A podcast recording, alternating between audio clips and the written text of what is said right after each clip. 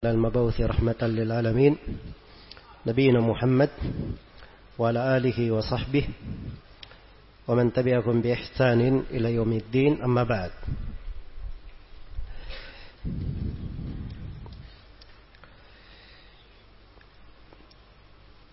Setelah menyebutkan tentang bagaimana empat tingkatan di dalam meraih ilmu, beliau berpindah ke masalah yang kedua terkait dengan anugerah Allah Subhanahu wa taala pada seorang hamba tentang ilmu itu.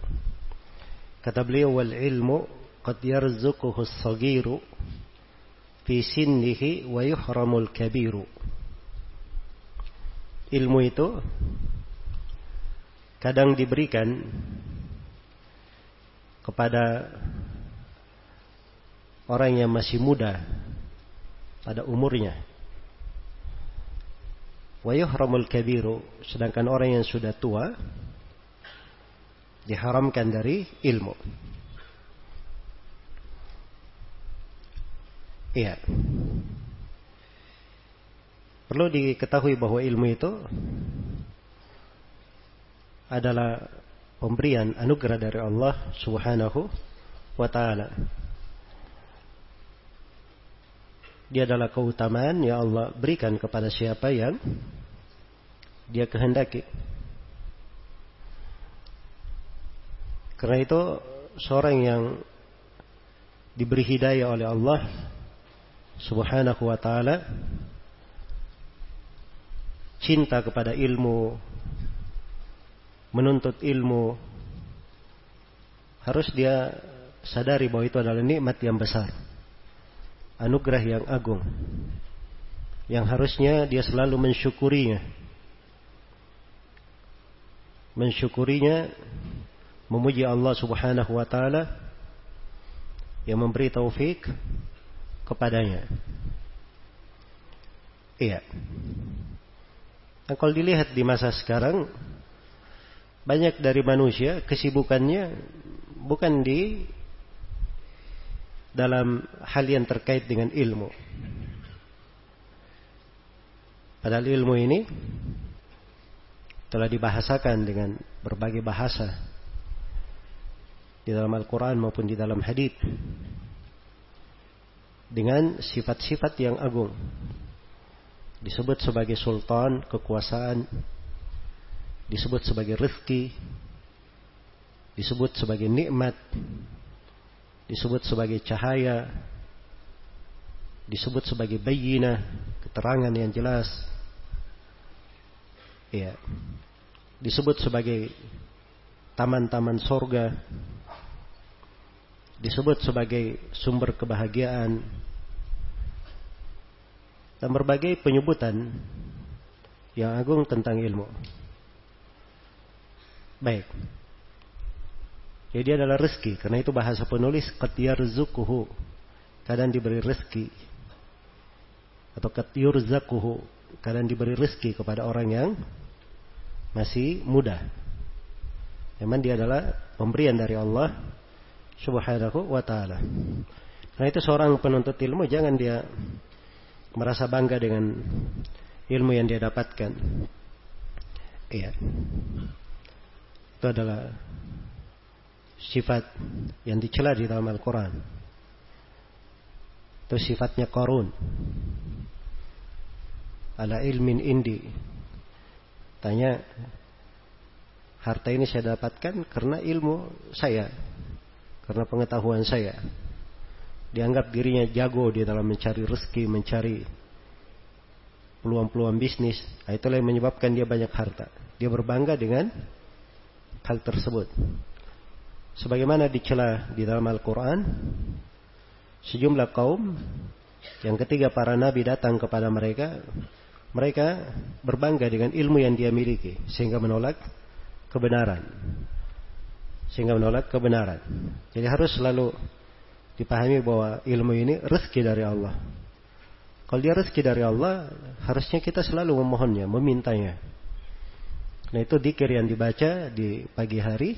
Allahumma inni as'aluka ilman nafi'an wa rizqan tayyiban wa amalan fataqabbala. Minta selalu kepada Allah. Ilmu yang bermanfaat. Agar supaya hari itu dibukakan untuk kita faidah-faidah ilmu, manfaat-manfaat dari ilmu. Walaupun satu dari manfaat ilmu melekat di hati, subhanallah, itu besar sekali nilainya. Iya. Kemudian yang kedua terkait dengan yang muda dan yang tua. Asalnya ilmu itu tidak memandang umur, muda maupun tua. Tetapi memang orang yang diberi taufik oleh Allah mengenal ilmu di usia mudanya itu lebih banyak keutamaannya lebih banyak nikmat serta anugerah untuknya. Karena usia muda itu berpengaruh. Berpengaruh di dalam semangat, kekuatan hafalan, kekuatan memahami, kesegeraan, ya, dan berbagai bentuk. Hanya saja jangan disangka bahwa orang-orang yang sudah tua, sudah berumur, itu tidak layak untuk belajar. Karena itu sebagian as-salaf ditanya, di umur berapa sampai umur berapa seorang itu layak belajar menuntut ilmu. Maka kata beliau, sepanjang dia masih layak untuk hidup, maka dia masih layak untuk belajar. Jadi, kamu masih layak nggak untuk hidup? Nah, masih layak berarti masih layak untuk apa? Untuk belajar. Iya. Ibnu Jauzi rahimahullahu taala Beliau hadir di majelis di majelis kiraah menghafal sanat-sanat kiraah, menghafal kiraat. Dan umur beliau 80 tahun. Waktu itu. Dan dimaklumi siapa Ibnul Jauzi ya? Dari karya tulis. Sebab ilmu kiraah ini bukan ilmu yang paling penting. Kalau sudah ada yang mumpuni di situ, nah itu sudah cukup. Ada ilmu yang lebih penting daripada itu. Jelas ya terkait dengan menghafal kiroatnya. Dia hafal misalnya matan syatibiyah. Dia mengerti aujuhul kira'ah. Dari kiraat sabah. Terus dia tambah lagi dengan tayyibatun nasyr. Dia ngerti aujuhul kira'ah dari kiraatul asyarah. Hah? Dia hafal di luar kepala. Nah, ini memang perlu waktu. Ya kan? Perlu waktu. Selain daripada itu, perlu umur lagi untuk talaki dari guru. Ya, jadi coba dibayangkannya kirasaba saya kirasaba tujuh ya. Setiap ahli kiraah dia punya dua rawi. Seperti kita bacaan kita apa? Asim, Asim bin Abi Nujud. Asim punya dua rawi. Ada Hafs, ada Syu'bah Abu Bakar. Jelas ya? Jadi ini sudah dua saja. Sudah dua. Dua rawi. Nah, Hafsnya sendiri itu dua jalur. Ada jalur syatibiyah, ada jalur Tayyibatun Nashr. Ya, Syu'bah juga seperti itu. Ada jalur syatibiyah, ada jalur Tayyibatun Nashr. Jadi untuk kiraat Asim saya, dia perlu empat kali khatam dari guru. Dia baca Al-Quran 30 juz empat, empat kali. Baru dia dapat kiraat apa? Asim. Ini satu ahli kiraat. Kali tujuh berapa? Empat kali tujuh? 28 kali khatam. Ya anda semua guru duduk ya sini kamu. Saya dengar tiap hari satu juz. Anda semua guru seperti itu. Bisa. Kalau dia dapat guru seperti itu, masya Allah ya. Iya. Walaupun di masa sekarang ada hal-hal yang memudahkan, ya tapi tidak semua guru bisa seperti itu. Baik. Saya pernah store dari guru ngambil itu setiap hari dikasih seperdelapan juz Ya Masya Allah delapan jadi berapa kali saya harus datang. Akhirnya saya tidak sanggup untuk lanjut. Ya, saya lebih senang ikut doro-doro saja. Ada doro, ada guru duduk khusus begitu mentasmi selama satu bulan. Nah, itu yang saya hadiri. Jelas ya, itu lebih meringkas umur itu. Ya. Untuk mengambil sanad kiraah. Baik. Jadi maksudnya Ibnu Jauzi rahimahullah dari tertib beliau belajar umur 80 tahun baru dia apa? Dihafal. Mungkin ada yang bertanya ini 80 tahun sebentar lagi masuk kubur. Ngapain dia hafal? Ya, itulah ilmu subhanallah. Bukankah suatu kebahagiaan bagi seorang itu dia menghadap kepada Allah dalam keadaan dia hafal Al-Quran, dia hafal berbagai sudut kiraah. Ya. Jelas ya? Nah, itu ketaatan bagi seorang penuntut ilmu. Itu nikmat tidak bisa dinilai dengan suatu apa pun. Baik. Karena itu siapa yang diberi oleh Allah anugerah memahami ilmu, maka hendaknya dia bersyukur kepada Allah Subhanahu wa taala.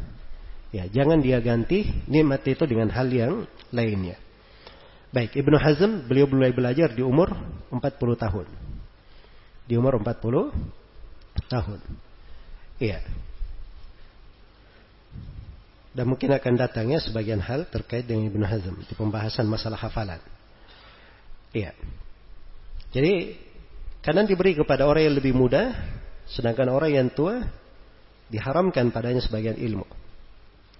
Ada anak kecil disebutkan di berbagai buku riwayat di umur 4 tahun 5 tahun dia sudah hadir di majelis guru di majelis sama jadi kalau guru membaca hadis dia bisa hafal ditanya berapa hadis kita baca dia bisa jawab Iya, jadi banyak hafalannya. Cuma masalahnya anak ini satu aja. Kalau dia lapar dia menangis. Ya, karena namanya saja anak kecil ya. Baik, tapi bisa hadir seperti itu. Nah, ini kadang memang diberi rezeki kepada orang yang lebih muda pada umurnya. Karena itu di pembahasan ilmu ada yang dikenal dalam namanya riwayat al-akabir anil asagir. Riwayat orang-orang tua dari yang lebih muda umurnya. Jadi ada orang-orang yang lebih tua meriwayatkan dari guru-guru yang lebih muda umurnya. Jelas ya? Baik, ada riwayatul aba anil abna. Riwayat ayah, ayah meriwayatkan dari anaknya meriwayatkan dari anaknya.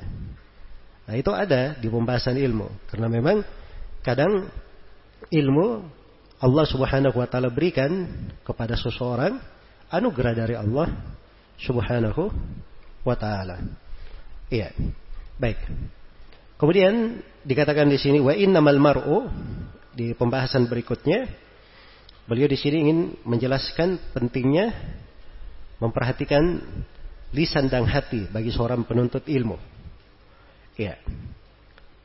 Dua bait syair beliau katakan wa innamal mar'u bi asgharaihi bi rijlaihi wala yadaihi lisanuhu wa qalbuhu al-murakkabu fi sadrihi daka khalqun ajabu. Sungguhnya seorang itu dihitung pada dua yang kecil pada dirinya. Dua yang kecil pada dirinya. Apa dua yang kecil pada dirinya akan datang penjelasannya. Orang itu bukan dihitung dengan kedua kakinya atau kedua tangannya. Tapi orang itu dipandang dengan dua yang kecil pada dirinya. Apa dua yang kecil pada dirinya? Lisanuhu wa qalbuhu. Lisan dan apa? Hatinya. Dia dihitung dengan lisan dan dengan apa? Dengan hatinya. Iya, al-murakkabu. Lisan dan hati yang murakkab yang tersusun, yang bersambung. Fi sadrihi di dalam dadanya. Wadaka khalqun ajabu. Dan itu adalah ciptaan Allah yang menakjubkan. Ciptaan Allah yang menakjubkan. Iya. Subhanallah. Seorang penuntut ilmu itu memang dia harus punya perhatian pada dua hal ini. Pada lisan dan hatinya. Makanya lisannya dia biasakan dengan hal-hal yang terkait dengan ilmu. Dia biasakan membaca, ya, dibiasakan untuk berucap kalimat-kalimat yang fasih. Dia, dia biasakan lisannya dengan kalimat-kalimat ilmu, dengan Al-Quran, dengan hadits Rasulullah Sallallahu Alaihi Wasallam, membaca matan-matan, ya, membaca matan-matan. Baik. Nah, ini lisan, kalau dia terbiasa dengan bahasa-bahasa ilmu, maka dia itu akan fasih di bahasa ilmu. Tapi kalau dia terbiasa dengan selain bahasa ilmu, maka terlihat juga pengaruh di mana? Di lisan tersebut. Iya. Sama dengan hati. Hati itu kalau cenderungannya, kecintaannya, ya, kesejukannya, kerinduannya, apa yang dia pikirkan terkait dengan ilmu, maka itu terlihat pada ucapan lisannya bahkan terlihat pada gerak-geriknya apa yang dia cari. Lisan dan hati punya keterkaitan. Iya, sebab orang membaca bukan sekedar membaca tanpa memahami. Iya. Dan seorang ketika dia memahami, dia menghafalkan, itu kadang perlu dia lafatkan dengan lisannya. Perlu dia lafatkan dengan apa? Dengan lisannya. Iya. Karena dimaklumi ya, lisan itu berucap dengan lisan itu amalan tersendiri. Jadi misalnya seorang Al-Quran saya, dia baca Al-Quran, dia hafal Al-Quran. Mulutnya diam. Lisannya tidak bergerak. Tapi dia membaca Al-Quran 30 juz. Nah ini dia dapat pahala membaca. Tapi dia tidak dapat pahala di dalam bentuk apa? Menggerakkan lisan membaca. Jelas ya? Ketika dia menggerakkan lisannya membaca, ah, itu ibadah tersendiri untuk diri ya. Ketika dia membaca Al-Quran dengan melihat mushaf, melihat mushaf itu ibadah sendiri juga. Ibadah tersendiri. Jelas ya? Ibadah tersendiri. Hanya saja di dalam masalah melihat mushaf itu beraneka ragam orang-orang. Di dalam jenis menghafal. Nah sebagian ulama ada yang dia tidak mau biasakan dirinya dengan melihat. Dia tidak mau biasakan dirinya dengan melihat. Dia ingin jaga hafalannya. Iya. Nah, itu kita kenal ada beberapa guru yang sudah puluhan tahun dia tidak pegang mushaf. Karena dia baca Al-Quran selalu dari apa? Dari hafalannya. Dia jaga. Jelas ya? Sama dengan Asyabi, beliau berkata, maka tabtu sauda ala bayda. Selama beliau menuntut ilmu, beliau tidak pernah menulis hitam di atas putih. Ya. Jadi Asyabi selama belajar, kerjanya cuma apa? Menghafal saja. Kerjanya cuma menghafal. Baik. Ini ada orang-orang yang menjaga seperti itu. Tapi kebanyakan ulama mereka gabungkan antara dua hal. Hafalan dan melihat. Punya buku yang dilihat. Nah, sebab ini memiliki keselarasan serta manfaat yang sangat banyak. Jadi kalau dia lihat sambil dia hafal, nah ini akan lebih mudah. Kemudian akan lebih membantu dia untuk memahami. Untuk tadabbur. Untuk tadabbur. Karena itu subhanallah kadang seorang itu hafal ya ayat-ayat. Begitu dia melihat mushaf, dia lihat. Ya. Maka kadang begitu melihatnya, itu dia pahami sesuatu hal yang sebelumnya tidak dia pahami ketika dia apa? Membacanya dari hafalan. Iya. Nah, akan berbeda lagi kalau dia baca dari ayat-ayat Al-Quran Terus dia kaji tafsir dari ayat, dari ucapan para ulama ahli tafsir. Dari ucapan para ulama ahli tafsir. Maka akan menjadi sangat indah kandungan dari ayat-ayat itu. Jelas ya? Nah di situ ada sudut makna yang membedakan. Kadang kalau dia lebih luas pemahamannya di ilmu Al-Quran, mungkin akan semakin banyak makna yang bisa dia petik. Misalnya dia ambil dari sebagian ilmu Al-Quran. Ini ayat Makki atau Madaniyah. Terus diambil pembahasan tentang wakafat, di mana dia berhenti, di mana dia memulai. Ya, di dalam berhenti dan memulai itu itu warna mempengaruhi di dalam apa? Mempengaruhi di dalam pemahaman. Atau diambil di sebagian aujuhul kiraat, dia periksa kira-kira. Ya. Jelas ya? Perbedaan kira itu ada dampaknya di pemahaman dan hukum-hukum fikih. Dan hukum-hukum fikih. Sehingga di masa ini ada ditulis berbagai karya ilmiah tentang ahkam fikih, hukum-hukum fikih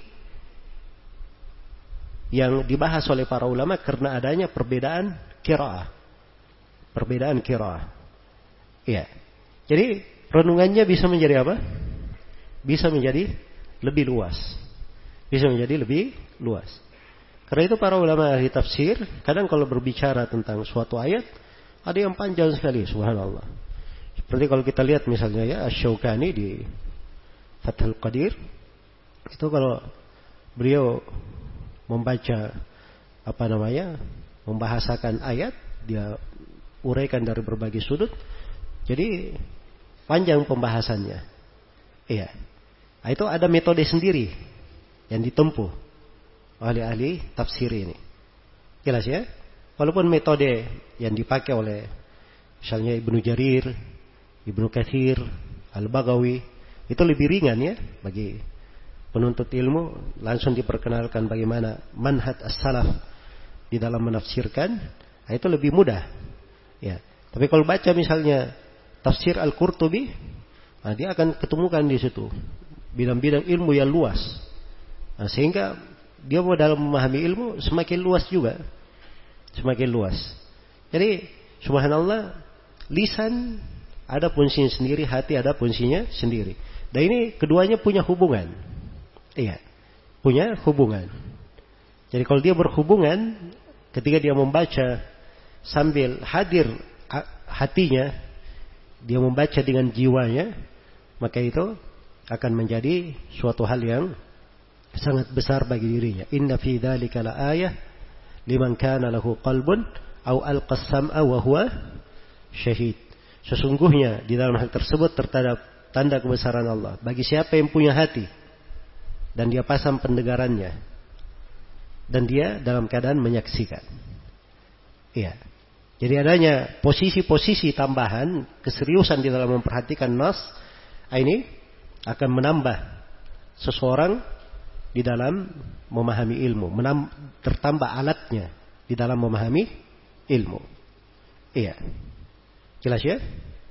Karena itu ketika Rasulullah Shallallahu Alaihi Wasallam bersabda, ada seorang hamba yang Allah berikan padanya pilihan antara sesuatu dari kehidupan dunia dan apa yang berada di sisi Allah. Kemudian hamba ini memilih apa yang di sisi Allah. Maka mendengar itu Abu Bakar As-Siddiq menangis radhiyallahu taala. Para sahabat yang lain diam-diam saja. Iya. Nah, ini tingkat pemahaman terhadap ucapan Nabi Sallallahu Alaihi Wasallam. Abu Bakar memahami bahwa ucapan Nabi ini, ya, itu artinya Nabi Muhammad Sallallahu Alaihi Wasallam sebentar lagi akan meninggal. Yang diberi pilihan itu adalah beliau. Dan ketika beliau memilih di sisi Allah, artinya beliau memilih untuk kembali kepada Allah Subhanahu wa taala. Makanya Abu Bakar menangis. Nah, ini kan bentuk dari apa? Bentuk dari pemahaman. Bentuk dari pemahaman. Sama ketika membaca ayat-ayat. Nah, itu kadang sebagian subhanallah, sebagian ayat itu kadang kita lihat di halaqah sebagian guru, dia baca sebagian ayat, dia renung ayat itu luar biasa renungannya. Iya. Padahal ayat ini sering kita baca. Ya, Syekhul Islam Ibn Taimiyah disebutkan oleh Imam Dahabi. Beliau satu tahun penuh menafsirkan surah Nuh. Menafsirkan surah apa? Surah Nuh. Belum selesai-selesai penafsirannya. Ini sudah berapa? Satu tahun. Iya. Bisa dilihat bagaimana luasnya mereka memahami apa? Memahami ilmu. Jadi ilmu itu anugerah. Iya. Alat-alat yang kita pelajari, misalnya kita belajar ilmu nahu, ya, atau berbagai cabang ilmu bahasa, ada 12 cabang ilmu bahasa, atau kita pelajari dari il ulumul Quran, kita pelajari dari ulumu uh, al-fiqh, ilmu-ilmu fikih, apakah masuk di ilmu usul fikihnya, ilmu kawaid fikihnya, atau ilmu maqasidus syariahnya, Hah? atau kita pelajari dari ilmu-ilmu seputar adab misalnya. Ini ilmu-ilmu ada yang merupakan ilmu alat. Ilmu alat itu dipakai untuk memahami Al-Quran dan apa? Haditnya. Nah, ketika ilmu alatnya bagus, maka dia akan semakin bagus memahami Al-Quran dan hadith. Jelas ya? Semakin baik memahami dalam dari Al-Quran dan hadith. Baik. Jadi seorang itu dilihat pada lisan dan hatinya. Iya. Lisannya bagaimana dia gunakan di dalam banyak hal yang baik, membiasakan diri. Dan juga untuk menuntut ilmu ya. Lisan itu perlu dilatih. Iya. Kadang dia perlu latih lisannya untuk membaca cepat. Membaca cepat. Baik. Di kalangan orang-orang yang menghafal Quran itu ajaib ya. Ajaib.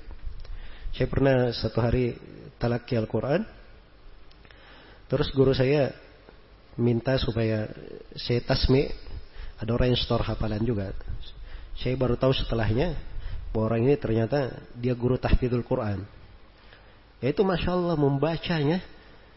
Dia membaca ayatnya itu cepat sekali. Lisannya membaca. Saya saja, saya hafal surah yang dia ini. Cuman saya agak sulit mengikutinya. Karena dia bacanya apa? Bacanya cepat. Ya. Dan saya tidak ketemukan salah pada bacaannya. Ada salah. Nah, ini kebiasaan melatih diri untuk apa? Membaca. Makanya jangan heran kalau misalnya disebut Uthman ibn Affan radhiyallahu taala anhu, beliau dalam satu malam beliau khatamkan Al-Qur'an. Jelas ya? Nah, itu kebiasaan mereka melatih lisannya di dalam apa? Di dalam membaca. Dan itu memang perlu latihan. Perlu latihan. Ya seorang kalau sudah terbiasa, nah, maka kebiasaannya ini yang berjalan. Yang mewarnai kehidupannya. Nah, inilah yang perlu kita bentuk suasana kebiasaan pada diri kita. Iya. Nah, memang kadang agak berat ya, apalagi kita di masa, di lingkungan sekitar kita kadang tidak membantu. Ya, banyak yang melalaikan. Iya. Jelas ya? Nah, perlu kesabaran untuk hal itu. Dan membantu seorang penuntut ilmu kalau dia punya target-target. Nah, itu membantunya. Kalau tidak target biasanya dia berusaha naik-naik terus, nanti turun-turun, naik lagi turun. Tapi kalau ada target, nah itu dia bisa naik terus tuh. Kalau ada target, ya. Misalnya dia target menghafal Al-Quran dalam satu tahun, nah, itu kan target namanya. Ya kalau dia targetkan, ya dia bagi 30 juz ini, ya selama setahun. Dia bagi kapan waktu menghafalnya, kapan waktu murajaahnya. Jelas ya? Kapan waktu murajaahnya. Nah, itu bisa dibagi. Iya. Dan bisa menjadi ringan kalau seorang sudah biasa. Kalau ingin target lebih daripada itu bisa juga. Ingin menghafal Al-Quran dalam 30 hari, mudah hafal aja satu juz setiap hari. Kan begitu? Hafal satu juz tiap hari. Ingin hafal Al-Quran dalam tujuh hari? Ya gampang. Bagi saja Al-Quran menjadi menjadi tujuh kan begitu. Menjadi tujuh. Ya. Jadi maksudnya kalau ada target, nah itu bagus, bisa membantu seorang untuk maju. Nah, ini semuanya perlu didukung oleh lisan dan hati. Hati kekuatan di dalam memahami, kekuatan di dalam menghafal, kekuatan di dalam semangat, lisannya kekuatan dalam mengucapkannya, di dalam membacanya, ya. Di dalam apa namanya mengulangi ilmu. Kata beliau, fi sadrihi wadaka khalqun ajabu. Ya, dan ini hati makhluk Allah yang menakjubkan. Makhluk yang menakjubkan. Karena subhanallah hati ini berbolak-balik. Ya. Cepat berbolak-baliknya. Kadang kalau dia semangat, Masya Allah, luar biasa. Tapi kadang kalau didera dengan suatu masalah, dia bisa turun semangatnya bisa turun semangatnya. Maka ini memang makhluk yang ciptaan Allah yang menakjubkan. Iya. Sebagaimana apa yang ada di dalam dada ini, ya, hati yang berada di dalam dada, ini juga yang bisa mengangkat derajat seseorang. Di dalam hati itu terdapat berbagai amalan-amalan. Ketaatan-ketaatan. Nah, itulah ilmu. Kalau ilmu menggembleng hati dengan baik, memang akan terlihat banyak sekali dari keajaiban-keajaiban di dalam pembahasan hati tersebut. Nah, di situlah sumber ketenangan, kebahagiaan hidup. Ya. Dan di situlah hal-hal yang apa? Keluar dari hati itu perkara-perkara yang luar biasa, menakjubkan. Iya. Dan ini banyak sekali ya kalau kita berbicara tentang sirah para as-salaf di dalam hal ini. Suatu hal yang menakjubkan. Baik, setelah itu boleh berpindah menjelaskan tentang bagaimana adab dan etika untuk seorang penuntut ilmu itu. Iya. Kata beliau wal ilmu bil fahmi wa bil mudzakarah wad darsi wal fikrati wal munadharah. Baik. Harus disukun ya akhirnya karena ikuti kofianya. Ilmu itu dengan memahami dan dengan mudzakarah. Mempelajari, memikirkan dan diskusi. Jadi lima sebut di sini. Iya, ada lima. Yang pertama ilmu bil fahmi. Ilmu adalah dengan memahami. Baik. Jadi dia melatih dirinya bagaimana bisa memahami ilmu dengan baik. Ilmu dengan baik. Ada kadang sebuah masalah. Masalahnya semua orang melihat. Tapi yang paham hakikat masalah itu tidak semua orang. Karena itu disebut di dalam Al-Quran tentang kisah Nabi Daud dan Nabi Sulaiman. Wa Dawuda wa Sulaiman it yahkumani fil harth. Nabi Daud dan Nabi Sulaiman ketika keduanya memberi hukum tentang sebuah kebun. Iya. Apa yang disebutkan di ayat setelahnya? Fafahamnaha Sulaiman. Kami buat Nabi Sulaiman lebih memahaminya. Jelas ya?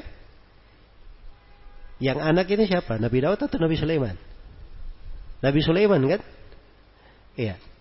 Tapi bersama dengan itu, anaknya lebih dibuat oleh Allah memahami daripada ayahnya. Dibuat Nabi Sulaiman paham di situ.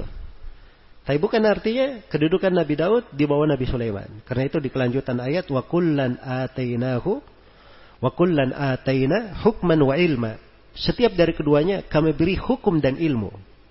Tapi kadang ada sebagian masalah si alim ini paham masalah itu. Beda dengan apa? Beda yang lainnya. Itu paham namanya. Iya. Nah ini kalau kita masuk di pembahasan ilmu lebih mendalam lagi, Khususnya kalau seorang sudah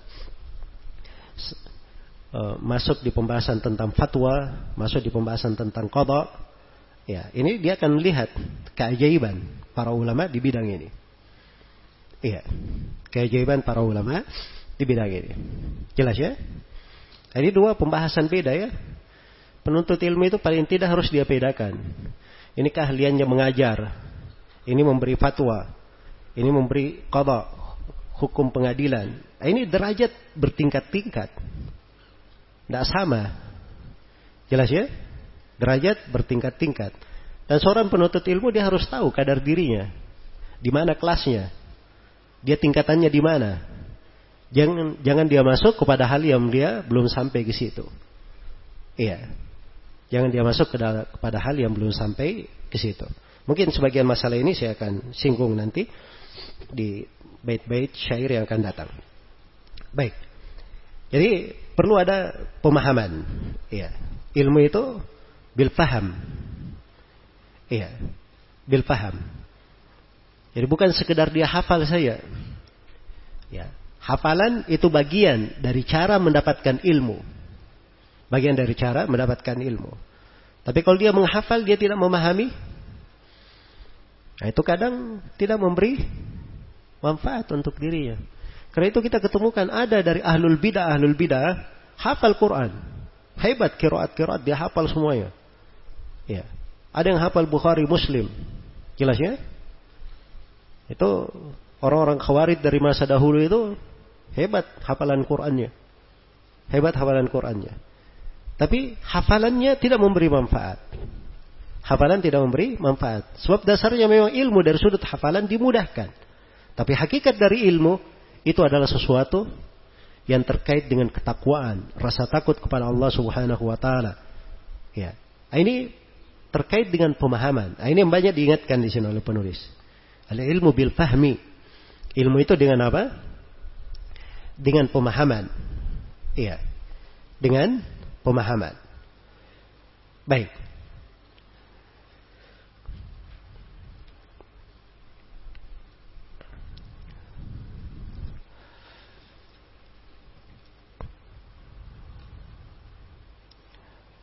Di Dikatakan di dalam hadis rubba muballagin au amin sami. Kadang orang yang disampaikan kepadanya ilmu itu lebih memahami daripada orang yang mendengarnya.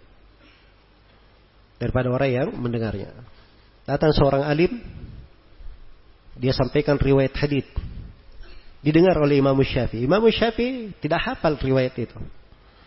Tapi begitu si ahli hadis ini bawakan riwayat, ternyata Imam Syafi'i lebih memahami makna hadis daripada dia.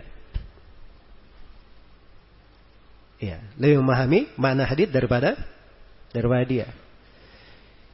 Karena itu Imam Ahmad itu selalu berwasiat, jangan sampai kamu luput dari orang Quraisy yang berada di Mekah itu, maksudnya Imam Syafi'i. Ya. Jangan sampai kamu luput dari dia. Dia punya pemahaman yang ajaib. Kata Imam Ahmad rahimahullahu taala. Jelas ya? Kalau dari sudut riwayat Imam Syafi'i rahimahullah ya, mungkin di atas ahli hadith yang tersohor Imam Syafi'i di bawah mereka. Tapi dari sudut pemahaman dan ilmu Imam Syafi'i diakui keimamannya. Jelas ya? Karena itu tidak ada riwayat Imam Syafi'i di Bukhari dan Muslim itu tidak ada riwayat Imam Syafi'i. Tidak ada riwayat Imam Syafi'i di situ.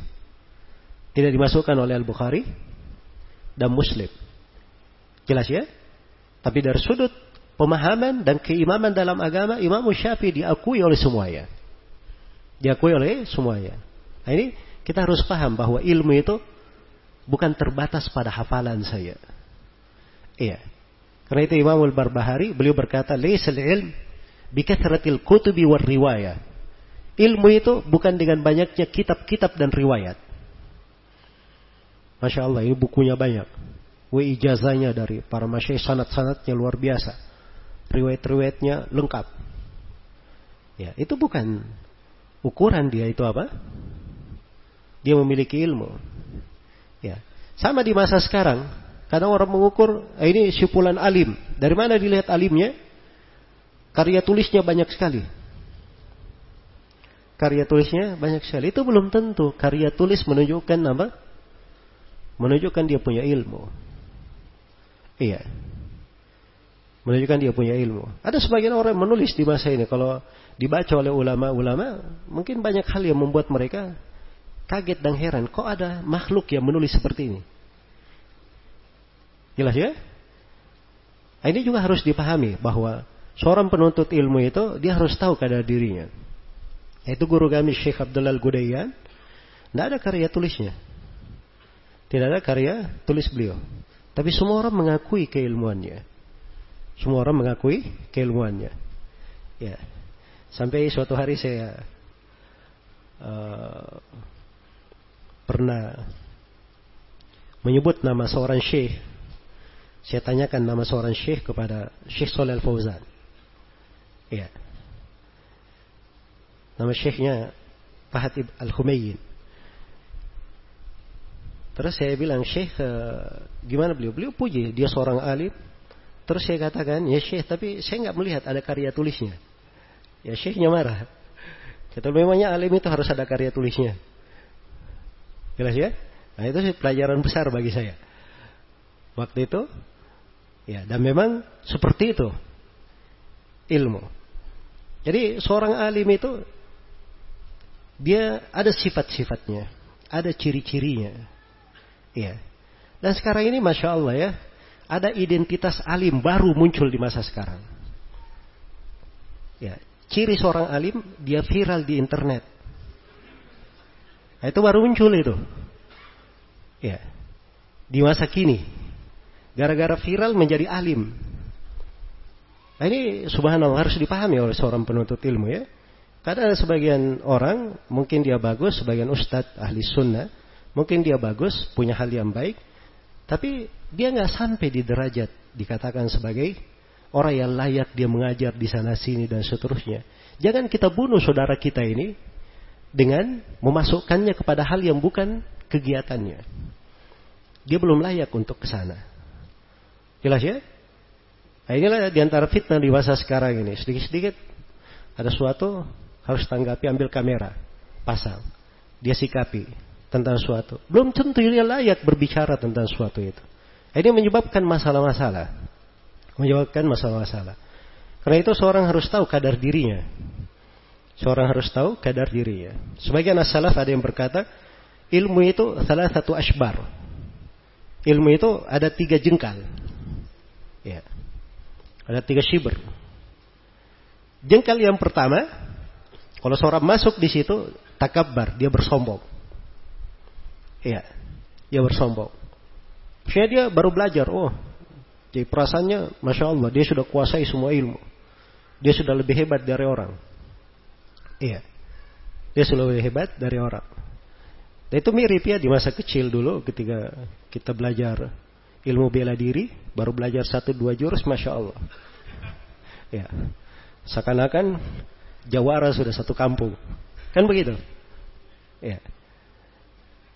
Nah, ilmu yang kedua katanya tingkatan yang kedua ada shiber jengkal kalau dia masuk ke dalamnya dia akan tawaba dia merendah diri dia merendah diri ya rupanya dia baru tahu selama ini dia belajar dia ini nggak ada apa-apanya.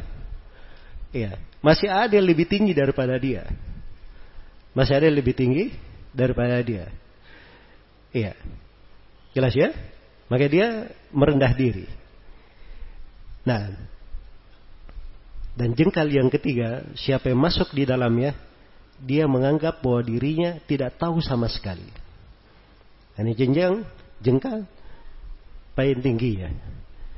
Sebab dia ketiga sudah mengenal liku-liku ilmu seluruhnya, dan dia sudah tahu tingkatan-tingkatan para ulama, dia baru tahu bahwa dirinya ini masih berada di tingkatan belum layak. Dia betul tahu ilmu itu seluruhnya. Tapi sampai ke tingkatan sana itu perlu hal-hal lain. Nah di situlah para sahabat Nabi itu tidak bisa dikalahkan. Jelas ya? Satu pembahasan ilmu saja. Kita bicara tentang kejujuran. As-sidiq. Nggak ada yang kalahkan para sahabat di bidang itu. Ini pembahasan as-sidiq ini dari amalan hati. Kalau kita kaji secara mendalam, baru terlihat kedalaman para sahabat, kejujuran mereka. Makanya dipuji dalam Al-Quran. Di berbagai tempat minal mu'minina rijalun sadaku ma'ahadullah alaih. Di antara kaum mukminin ada sekelompok lelaki, disebut laki-laki, padahal semua orang tahu laki-laki. Tapi disebut laki-laki. Mereka jujur, punya sidik. Nah, ini masuk di pembahasan itu saja luar biasa. Seorang kaji masalah ikhlas. Ya, begitu dia tahu liku-liku ikhlas, luk-luknya secara mendalam, baru dia tahu bahwa dirinya ini tidak ada ikhlasnya mungkin kurang, jauh dari ikhlas. Apalagi kalau dibandingkan dengan para nabi, para sahabat, dia baru tahu bahwa dia enggak, belum bikin apa-apa. Belum bikin apa-apa. Nah, di sinilah tingkatan-tingkatan ilmu. Karena itu seorang harus apa namanya memahami kadar dirinya. Iya, jangan dia masuk ke dalam perkara-perkara yang bisa mencelakakan dirinya sendiri. Ya, mencelakakan dirinya sendiri. Baik. Jadi al-ilmu bil fahmi. Ilmu itu dengan memahami. Kemudian yang kedua wal mudakarah. Dan ilmu itu dengan mudakarah. Jadi banyak dia dia ulangi mudakarah terhadap ilmu. Ya. Kalau sudah mengkaji sesuatu, dia ulangi lagi. Ketemu dengan kawan-kawannya, dia ulangi lagi. Ya misalnya tadi antum diberi faedah oleh Syekh eh, Abu Hazim tentang lima ketentuan ikhlas dalam menuntut ilmu. Ketemu kawannya, dia tanya apa kemarin lima syarat ikhlas disebutkan. Ikhlas ya? Itu namanya mudakara. Iya. Dan itu penting untuk seorang penuntut ilmu. Itu yang menyebabkan ilmunya terjaga. Dan ilmunya berkembang. Iya, ilmunya berkembang. Karena itu orang yang mengajarkan ilmu, orang yang mengajarkan ilmu, itu dia memiliki bentuk dari mudakara yang banyak. Sebab mengajarkan ilmu itu lebih dari mudakara. Lebih dari apa? Mudakara. Karena itu Syekh Mukbil rahimahullah beliau berkata, seorang kalau dia mengajarkan ilmunya, ya, itu lebih baik daripada dia muroja 10 kali atau lebih. Lebih baik daripada dia muroja 10 kali atau lebih. Iya. Karena itu ulama-ulama yang punya nama di tengah umat dan punya pengaruh yang kuat di tengah umat, itu pasti mengumpulkan beberapa hal. Dia mengumpulkan antar kekuatan ilmu, kemudian kedalaman di dalam mengajar, dia mengajar dan punya banyak murid, dan dia juga punya tulisan. Ya. Apabila dia berkumpul pada tiga hal ini, maka ini adalah hal yang paling baik untuk seorang yang berjalan di jalur ilmu. Baik. Jadi ilmu itu perlu mudakarah, selalu diulang-ulangi. Ya, pernah ketemu Abdurrahman bin Mahdi dan Syu'bah bin Al-Hajjat di pintu Masjidil Al-Haram ya setelah apa namanya isya. Kemudian keduanya mudakar ya keduanya mudakar saling bertukar hadith.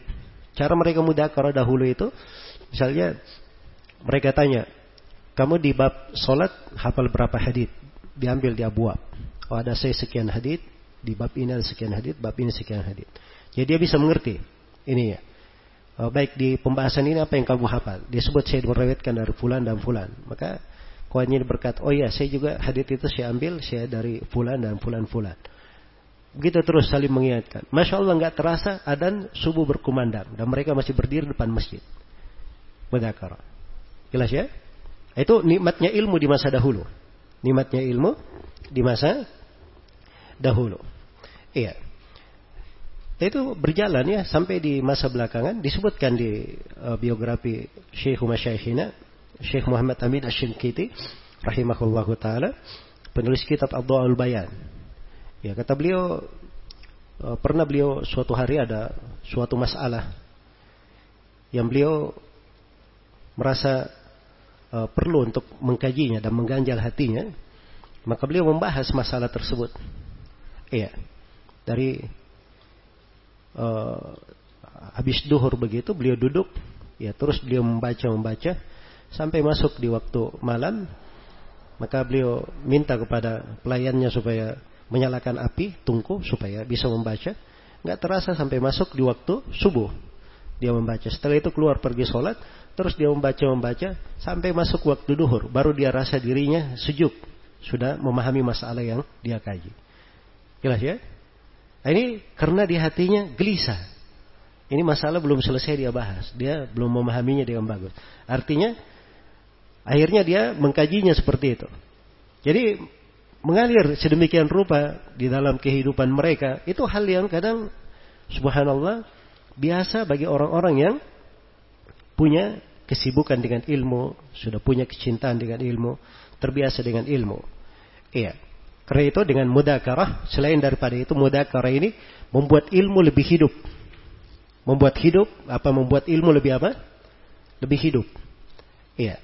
Coba dibandingkan, dibedakan itu. Kalau seorang misalnya dia menghafal saya, ya itu berbeda dengan kalau dia ketemu kawannya, terus dia tanya kepada kawannya, tadi sampaikan faedah. Ada nggak kamu hafal hadith uh, tentang doa masuk WC misalnya? Dua masuk WC yang kamu baca itu sahabatnya siapa? Apa teks haditnya? Misalnya, dia sudah hafal haditnya dari Umdatul Ahkam misalnya, atau dia baca haditnya, dia hafal haditnya dari buku-buku yang lain, kemudian dia minta kepada kawannya untuk disampaikan, untuk mudakara, itu biasanya lebih kuat. Membuat ilmunya itu hidup. Ya, karena itu kata Al-Mizzi rahimahullahu taala, "Man hazal ilma wa dakarah salahat dunyahu wa akhiratuh." Fa'adim lil ilmi mudakaratan fahayatul ilmi mudakaratuh. Siapa yang mendapatkan ilmu dan selalu memudakaranya, maka akan baik urusan dunia dan akhiratnya. Maka kontinulah engkau mudakara terhadap ilmu. Karena hidupnya ilmu dengan selalu apa?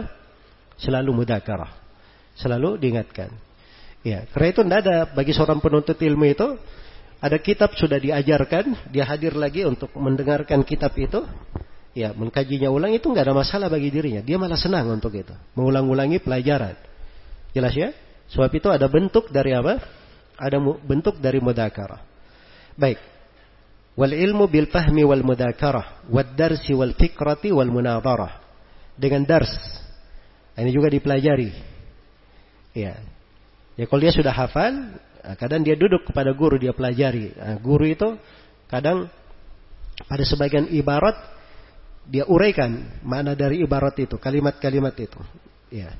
Maka pemahamannya pun semakin tajam. Pemahamannya semakin tajam. Ya.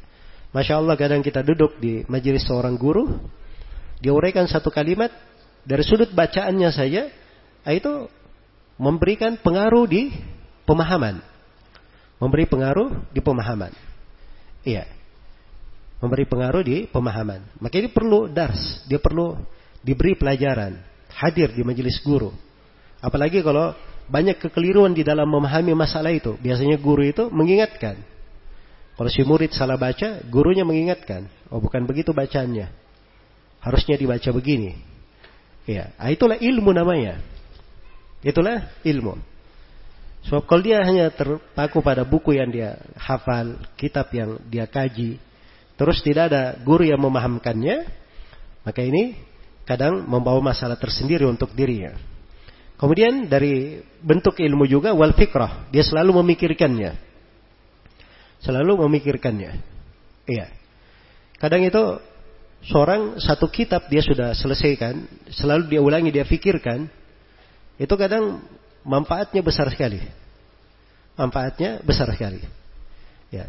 Syekh Ibnu Utsaimin beliau pernah uh, bercerita tentang seorang alim yang beliau ini hanya mengkaji kitab Zadil Mustaqni saja.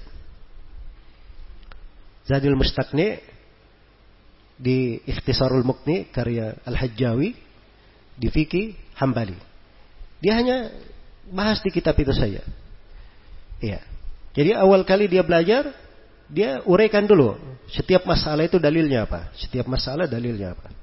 Jelas ya? Setelah dia naik ke tingkatan yang kedua, cara membahasnya tidak seperti itu. Dalam satu masalah ditafri lagi, dicabangkan lagi masalah-masalah yang lain. Dicabangkan lagi apa? Masalah-masalah yang lain. Nah, itu memang al-fikrah memikirkan dalam hal itu itu tugasnya penuntut ilmu. Dan itulah ilmu sebenarnya. Itulah ilmu sebenarnya. Jelas ya? Ada sebagian syekh yang pernah cerita, ya, bahwa ada orang yang mendatangi guru kami Syekh Abdullah Al-Gudayan. Ya, dimaklum ya Syekh Abdullah Al-Gudayan ini beliau orangnya sederhana. Ya, kalau antum lihat mungkin tidak mengira bahwa beliau adalah seorang syekh seorang alim yang dipercaya sama pemerintah dan dipercaya fatwanya dalam dalam status negara. Ya. Syekh Abdullah Gudayan, beliau selepas sholat, ada orang yang menegurnya. Katanya Syekh, kayaknya antum ini nggak paham sholat. Sholat antum apa namanya kurang benar. Ya. Baik kata Syekh Al-Gudayan, apa ini saya? Apa masalahnya di sholat saya? Kamu sholat begini di di masalah ini kamu begini. Harusnya kamu itu fukaha ini orang berbicara tentang fikih fukaha berkata begini dan begini. Baik kata Syekh Abdul Ghayan, kalau masalah itu jadi begini dan begini. Dia uraikan dari beberapa sudut. Akhirnya orang ini bingung sendiri. Iya. bingung sendiri di dalam memahami ucapannya yang diuraikan oleh siapa? Syekh Abdullah Al-Gudayan. Barulah setelah itu dia minta maaf setelah tahu bahwa itu adalah Syekh siapa? Syekh Abdullah Al-Gudayan. Itu memang cara memandangnya itu sudut memandang tentang ilmu itu harus dipahami. Bahwa kadang seorang alim itu melihat di satu masalah itu puluhan sudut pembahasan, kita hanya melihatnya di satu sudut saja. Kita hanya melihatnya di mana? Di satu sudut. Nah, ini perlu fikrah. Nah itu perlu dibiasakan diri. Nah itu kalau duduk di majelis-majelis guru, memang guru itu membiasakan diri seperti itu. Ya, karena itu ada tingkatan-tingkatan di dalam belajar. Misalnya ya, kita belajar ilmu kaidah fikih. Ya, ilmu kawaid fikih itu ada pembahasan kaidah-kaidahnya saya. Jadi guru itu kadang dia terangkan ini kaidah. Maksud kaidahnya begini. Dalilnya begini. Diambil dari sini dalilnya kan. Nah, terus dikasih contoh. Nah, dikasih contoh. Tapi kalau kita sudah masuk di dalam pembahasan koid fikih di buku-buku besar, ya ter terserah mau baca di buku mana saya. Ya, maka baru kelihatan di situ kedalaman mereka memikirkan satu permasalahan di ilmu tersebut. Iya. Lihat misalnya di Qawaid Ibnu Rajab. Bagaimana dia uraikan sebuah kaidah dari seluruh furu fikih yang ada di buku-buku fikih. Dikumpulkan di berbagai tempat dari buku fikih berkumpul di satu tempat. Berkumpul di satu tempat. Nah, ini semuanya hasil dari apa? Hasil dari fikrah dan mudakarah. Ya, dars. Ya. Nah, itulah fungsinya seorang itu duduk dari guru. Guru itu punya hal-hal yang seperti itu. Ya, mungkin guru ini dalam sebuah masalah, dia kumpul masalah ini, dia bahas 20 tahun. Kita datang belajar kepadanya, Masya Allah dikasih ringkasan dari apa yang dia bahas berapa? 20 tahun. Jelas ya? Nah, ini sebuah hal yang indah di dalam belajar. Kalau seorang itu benar cara belajarnya. Jadi, ini jenis yang keempat ya, dia ada fikrah, memikirkan. Ya, terhadap ilmu yang dia pelajari. Jadi ada mudakaranya, ada dars, ada fikrahnya. Iya. Kemudian berikutnya wal munadharah. Nah, ini tingkatan disebut memang terakhir. Karena ini tingkatan apa? Tingkatan terakhir, munadharah, diskusi, mendebat. Ya.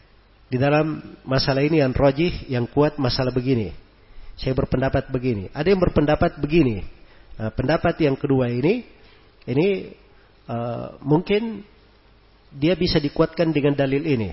Tapi kalau dia pakai dalil ini, kayaknya kurang cocok dengan alasan satu dua tiga. Ini bentuk dari munadharah namanya. Bentuk dari diskusi dalam masalah apa? Masalah ilmu. Nah, itu uslub yang seperti ini, itu yang disebutkan oleh Imam Syafi'i di Kitabul Um. Lihat aja di Kitabul Um itu, Imam Syafi'i seperti itu caranya.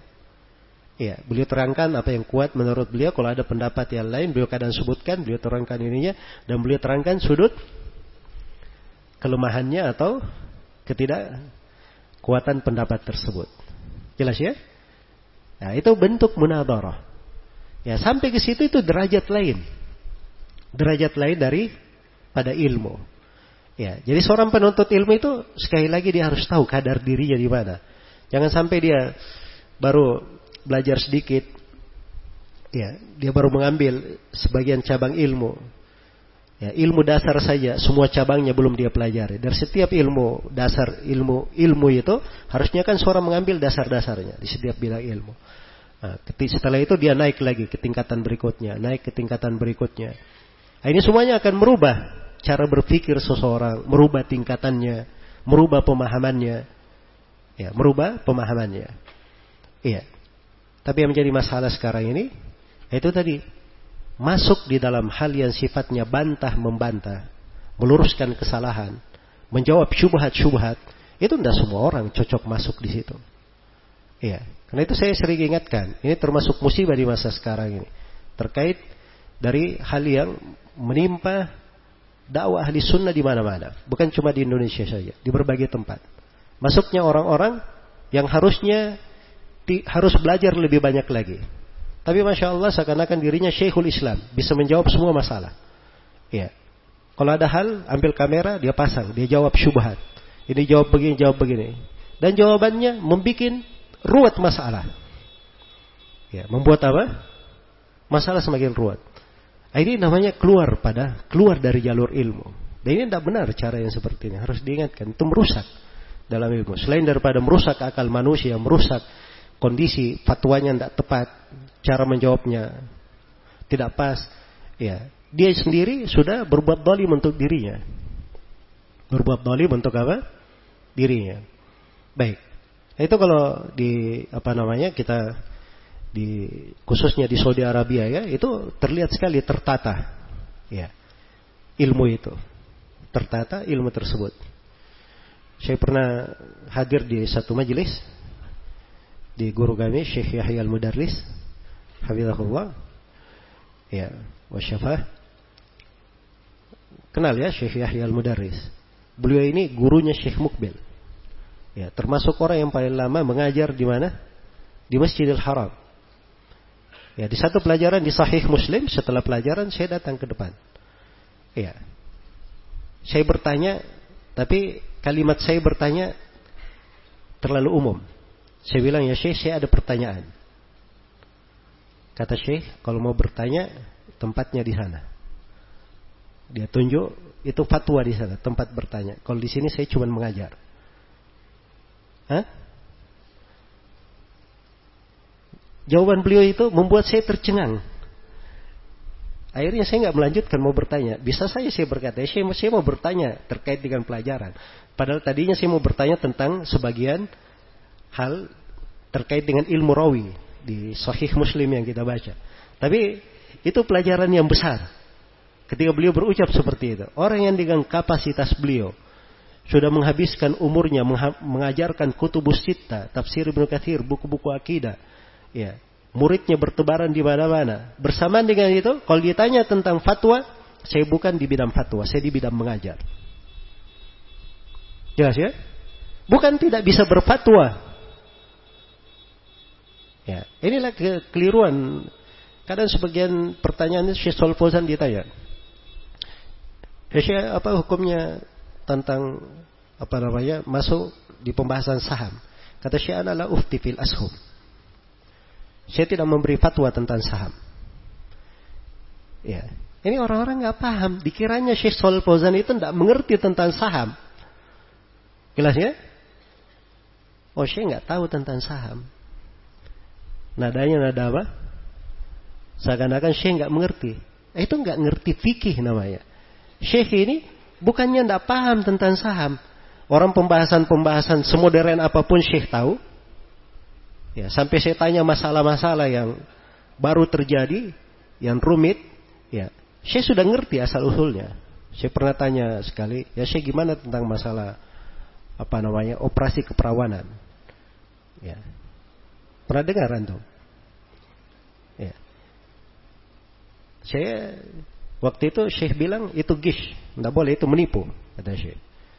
Terus saya bilang Syekh cuman dia begini, enggak, saya ngerti cara mereka. Mereka itu menjahitnya di dalam terus ngerti semua beliau. Ini ya. Cuma yang seperti ini kalau ditanya di luar belum tentu beliau jawab. Tapi kalau tanya pribadi beliau jawab. Jelas ya? Beliau yang jawab. Nah, itu namanya ahli di bidang fatwa. Bukan artinya tidak ngerti dalam hal yang seperti itu. Dia tahu posisinya di mana, menjawabnya bagaimana. Ya, masalah saham itu tidak setiap masalah bisa dibahas di situ. Apalagi merapan dia tanya masalah saham. Harusnya si mufti ini ketika ditanya tentang saham, dia harus ngerti dulu orang ini bagaimana prosesnya dia masuk saham apa yang dia masuki. Proses dia masuk kayak bagaimana. Ini kan perlu banyak hal. Makanya beliau tutup saja. Saya tidak memberi fatwa di situ. Di bidang itu. Kalau mau beri fatwa itu perlu orang-orang khusus yang menangani. Langsung bertanya langsung, dia langsung mengikuti kamu sampai mana ke mana. Jelas ya? Bukan artinya beliau nggak bisa menjawab di situ. Inilah kekeliruan di dalam memahami apa? Di dalam memahami ilmu. Dasarnya apa? Ya karena ini orang-orang nggak paham ilmu itu apa. Jadi dikiranya si alim ketika berkata saya tidak tahu atau ini saya nggak jawab dalam masalah ini atau masalah ini bukan wewenang saya untuk menjawab, dipikirnya si alim ini tidak apa? Tidak mengerti masalah tersebut. Ini di antara kekeliruan karena nggak mengerti tingkatan-tingkatan apa? Tingkatan-tingkatan ilmu. Baik. Jadi maksudnya ilmu itu berjenjang dan bertingkat, berderajat. Ya, seorang hendaknya memahami di mana tingkatan dirinya. Kalau dia seorang pemula baru belajar, dia belajar dengan baik. Di tingkatannya dia belajar. Nanti kalau dia sudah naik, dia naik ke dalam hal yang berikutnya. Iya. Di antara hal yang membuat saya apa namanya? Uh, tercengang juga membacanya Imam Mudhahabi rahimahullahu taala itu pernah bertanya tentang sebagian masalah-masalah fikih ketika beliau sakit. Dia tanya kepada Al-Qadhi As-Subki. Iya. Bukan As-Subki yang punya tabaqat ayahnya lagi. Kalau saya nggak salah namanya Abdul Wahab. Dia tanya. Padahal ini masalah bukan hal yang saya yakin Imam Mudhahabi itu tahu. Jelas ya? Tapi dia tanyakan kepada orang yang lebih apa? Lebih berilmu darinya. Nah, itu tingkat pemahaman terkait dengan ilmu juga. Sebab seorang itu ketika dia semakin mendalami ilmu, memahami ilmu, dia akan tahu bagaimana cara bermuamalah dengan ilmu tersebut. Baik. Jadi ilmu itu kadang ada tingkatan namanya munadharah. Munadharah ini tingkatan tinggi ya, masuk ke dalamnya. Seorang berdiskusi di dalamnya, ya. Kemudian mendebat, menerangkan kekeliruan-kekeliruan pendapat. Ya. Dan ini di setiap madhab seperti itu. Tadi saya sebut Imam Syafi'i ya, al-um, itu tingkatan terakhir itu kalau di pembahasan fikih di ulama Syafi'i. Ya. Kalau orang-orang Hambaliyah di Ibnu Kudama nulis empat kitab. Ya. Dan sebagian ulama Ibnu Kudama ini seakan-akan menulis di tingkatan SD, SMP, SMA dan perkuliahan. Ada empat kitab beliau tulis. Ada yang pertama Umdatul Fiqh. Kemudian beliau tulis Al-Muqni. Terus di atasnya lagi Al-Kafi. Kemudian di atasnya Al-Mughni. Ya, ini empat tingkatan. Umdatul Fiqh ini fikih kesimpulan saya yang rojih di madhab. Kesimpulan. Tidak ada pendapat lain. Cuman kesimpulan di madhab. Iya. Ini tingkatan anak SD ya. Tapi sudah bahas fikih dari awal sampai akhir. Nah, naik lagi tingkatan yang kedua al-mukni. Al-mukni ini dibawakan dua pendapat di dalam madhab. Mulai ada muqarana, tapi dua pendapat saya. Atau dua wajah. Nah, naik lagi di atasnya al-kafi. Al-kafi ini ini membahas seluruh pendapat di dalam madhab. Cuma di madhab hambali saja. Lebih luas lagi. Jelas ya? Lebih luas. Iya. Nah, tingkatan yang keempat itu al-mughni. Dia bahas madhab, dia bahas pendapat dalam madhab, kemudian dikandengkan dengan apa? Madhab-madhab yang lainnya. Madhab syafi'iyah, malikiyah, hanafiyah. Jelas ya? Itu bertingkat masuk di dalamnya. Karena di tingkatan yang keempat ini, ketika disinggung madhab yang lain, kan perlu diterangkan yang mana yang kuat menurut mereka. Ya, karena itu Ibnu Kudawa bahasanya, bagi kami yang kuat adalah begini. Ya, berdasarkan dalil begini. Kalau dia terangkan yang lainnya, misalnya ada pun pendapat fulan, maka dijawab seperti ini. Dijawab seperti ini. Nah, ini tingkat dari ilmu, namanya masuk di pembahasan apa? Munadharah. Baik. Jadi ilmu diperhatikan. Iya, seorang bisa lebih dalam dengannya bil fahmi dengan memahami, mudzakarah, darsi, mempelajarinya atau mengajarkannya, wal fikrah, banyak memikirkannya, wal munadharah. Dan berdiskusi. Berdiskusi tentangnya. Baik. Kemudian kata beliau rahimahullahu taala, "Farubba insanin yanalul hifdha wa yuribu ويورد النص ويحكي اللفظ وما له في غيره نصيب مما حواه العالم الأديب ya. kadang seorang manusia itu mendapatkan hafalan. Mendapatkan apa? Hafalan. Terus dia bawakan nas. Dia bawakan nas dan dia hikayatkan lafaz. Iya. Jadi ada orang yang masya Allah hafalannya hebat. Kalau ditanya hafalan, hafal betul. Dia bawakan nasnya, huruf per huruf. Ya, lafadznya dia bisa hikayatkan sebagaimana datangnya. Nah, ini hebat di sudut hafalan saya. Tapi kata beliau, "Wa ma lahu fi nasibu." Ya. Tapi dia tidak punya bagian pada selainnya. Itu tertulis nasibun ya, diperbaiki nasibu bacanya. Dan dia tidak punya bagian pada hal yang lain. Dia cuma punya hafalan saja, pemahaman enggak. Ya, mimma hawahul alimul adibu. Dari apa yang dipahami oleh seorang alim yang apa? Yang ahli di bidang adab. Yang penuh dengan adab. Baik. Nah, ini salah satu tingkatan yang harus dipahami terkait dengan hakikat ilmu. Ada orang yang di sudut ilmu banyak hafalan, bagus hafalan. Ya. Tetapi dia tidak ada nasib di pembahasan lain, tidak ada bagian di pembahasan selain hafalan. Ilmu itu bukan cuma sekedar menghafal saya. Ilmu itu ada terkait dengan pemahaman. Ada terkait dengan fikih di dalamnya. Ada terkait dengan nasih dan mansuh. Ya, ada terkait dengan ini hadith beramalnya secara mutlak atau secara muqayyad. Ini hadith apakah kaitannya diberlakukan secara umum tidak ada perkecualian atau ada perkecualian pada hal-hal tertentu. Nah, itu semuanya ada pembahasan tentang ilmu. Jelas ya? Makanya hafalan itu tidak cukup. Hafalan tidak cukup. Iya. Apalagi kalau haditnya mengandung cacat-cacat yang kadang tersembunyi. Ya, Imam Imam At-Tirmidzi di awal kitabnya Al-Ilal As-Sagir itu menyebutkan ada lafat-lafat hadit, ada hadit-hadit yang dilemahkan oleh para ulama karena sudah tidak diamalkan kandungannya. Jelas ya? Nah, ini sudut yang seperti ini tidak semua orang paham. Dia mungkin hafal haditnya, hafal riwayatnya, tapi ternyata tidak diamalkan oleh para ulama. Ya. Itu menunjukkan apa? Nah, itu ada beberapa sudut yang ditunjukkan. Mungkin mengandung kelemahan atau mengandung maknanya sudah mansuh, sudah terhapus, atau ada hal-hal yang lain. Atau ada hal-hal yang lainnya. Baik. Karena itu harus dipahami bahwa ilmu itu bukan sekedar hafalan saya. Bukan sekedar kepandaian membawakan lafaz. Iya. Kemudian kata beliau, warubba bi hirsin syadidil hubbi lil ilmi wa dzikri balidul qalbi mu'jizun fil hifdi war riwayah laisa lahu amman rawah hikayah Kemudian beliau terangkan sebagian orang yang cinta dengan ilmu. Kadang seorang itu punya hirs, punya semangat kuat. Syadidul hubbi. Sangat besar sekali cintanya.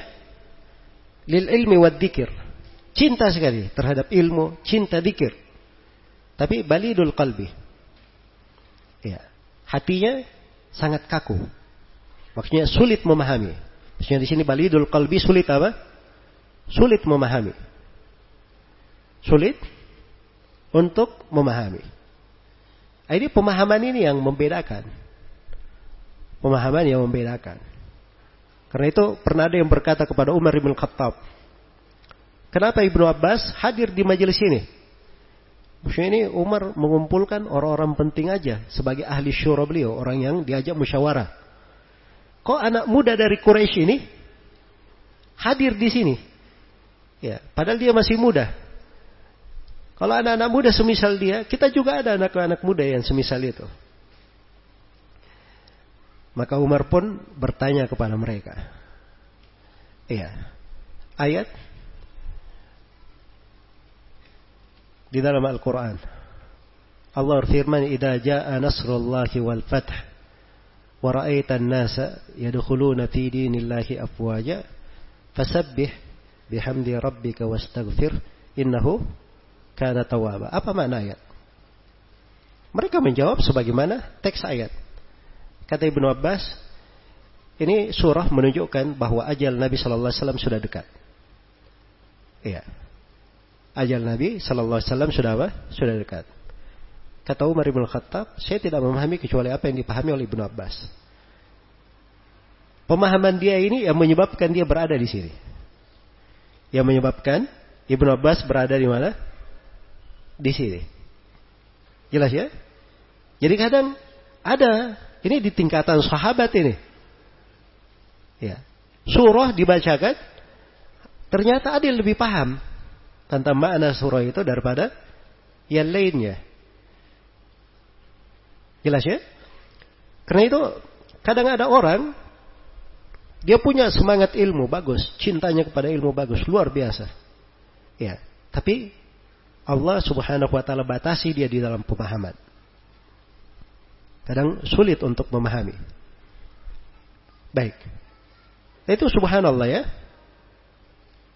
Saya juga melihat ya sebagian guru ya sebagian guru itu dia sudah tahu orang-orang. Kalau orang ini datang, dia hanya bicara masalah ini, masalah ini, masalah ini. Kalau si fulan datang, beliau bicara masalah ini, masalah ini. Ya. Tapi ada sebagian orang datang, beliau bisa bicara masalah lebih besar daripada itu. Nah, saya baru mengerti bahwa ini kedalaman ilmu. Beliau bisa mendudukkan orang itu pada tempatnya masing-masing. Ini akalnya baru sampai di sini. Ini pemahamannya baru sampai di sini. Makanya beliau berbicara sesuai apa yang dia bisa pahami. Sesuai apa yang dia bisa pahami. Jelas ya? Nah, itulah keindahan duduk dengan orang-orang tua, guru-guru yang mereka mumpuni dalam ilmu, kita bisa melihat berbagai pelajaran dan berbagai hikmah. Dan sebagaimana yang dikatakan oleh banyak dari para ulama, ilmu itu kunci-kuncinya ya, itu masih berada di dada-dada pada guru. Memang ilmu itu ada di buku-buku sekarang. Mau baca ilmu apa saja ada bukunya. Ya, tapi kunci untuk memahami buku itu itu masih ada di dada-dada para ulama. Ya harus duduk sama mereka. Kalau mau memahami buku, duduk sama mereka. Diberi kuncinya. Agar supaya memahami apa? Ilmu tersebut. Nah, ini pemahaman yang seperti ini tidak semua orang diberi pemahaman. Jelas ya? Tidak semua orang diberi pemahaman. Baik. Karena itu subhanallah kadang ada sebagian ulama ada kejadian-kejadian besar terjadi.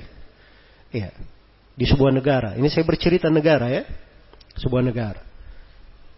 Ya. Sebagian ulama kadang memandang ini kemungkaran, harus diingkari. Harus diingkari. Sebagian ulama yang lain dia tahu itu kemungkaran.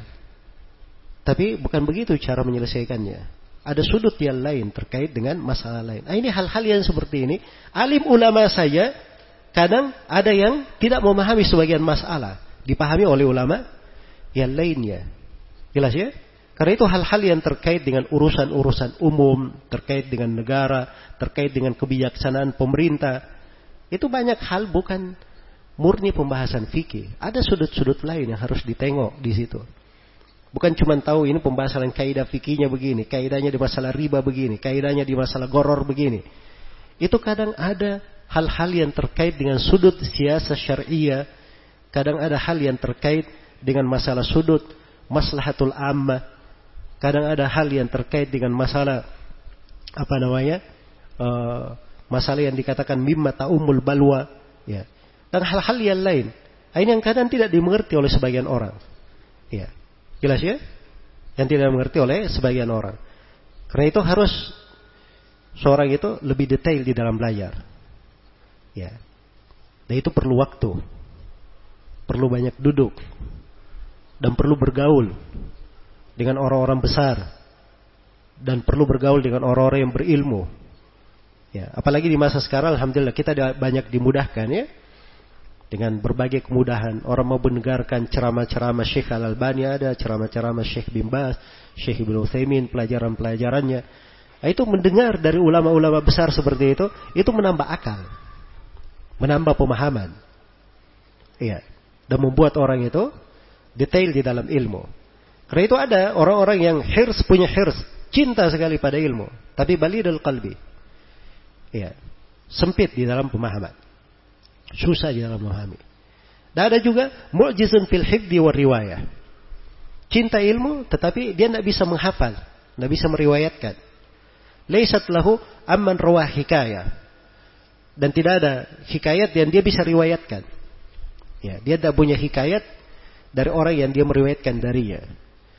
Nah, ini semuanya anugerah.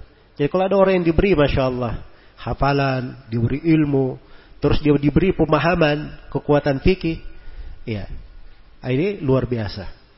Jelas ya? Dan ini di tengah umat ini pada orang-orang tertentu. Pada orang-orang tertentu. Jelas ya? Nah itu kadang subhanallah saya melihat di sebagian hal, ada sebagian ulama kita itu meminta pendapat pada orang-orang tertentu di sebagian masalah. Padahal orang ini dari sudut kekuatan ilmu tidak mungkin tidak sama, tidak sampai ke derajat sebagian ulama yang lainnya yang lebih tinggi darinya. Tapi ternyata orang ini punya pemahaman yang tidak dimiliki oleh orang yang lain. Nah, ini sudut lain kadang perlu diperhatikan. Perlu diperhatikan. Iya. Baik. Nah ini bercerita tentang masalah ini agak luas ya. Agak luas pembahasannya. Jadi kalau mau masuk di masalah ini, kadang kita perlu pembahasan khusus terkait dengan masalah etika seputar fatwa, etika seputar qada supaya kelihatan nanti sudut-sudut dan tingkatan-tingkatan ilmu itu.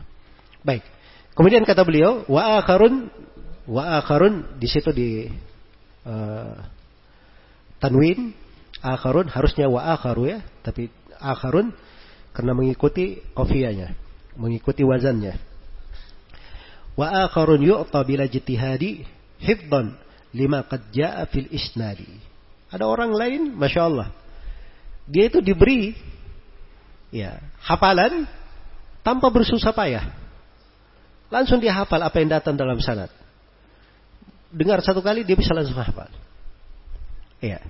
Imam Ahmad berkata, ya, hifdhu waki tab'un wa hifdhuna takalluf.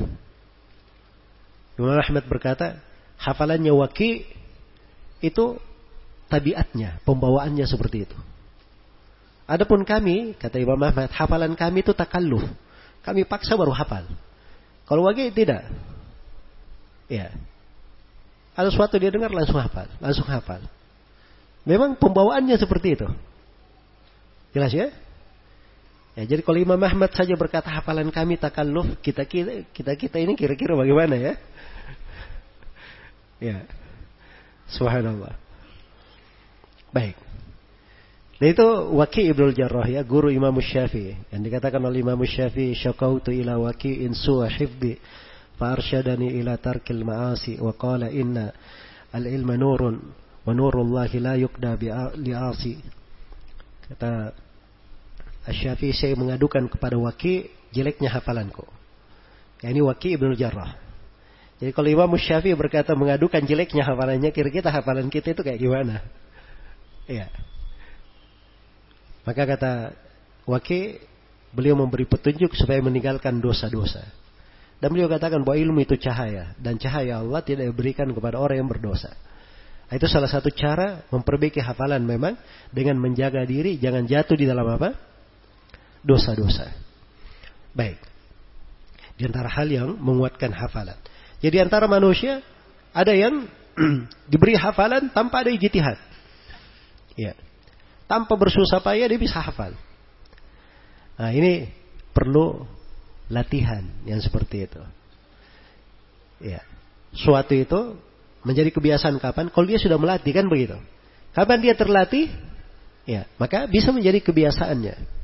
Bisa menjadi kebiasaannya. Sambil dia banyak bermohon kepada Allah Subhanahu wa taala supaya dia diberi anugerah.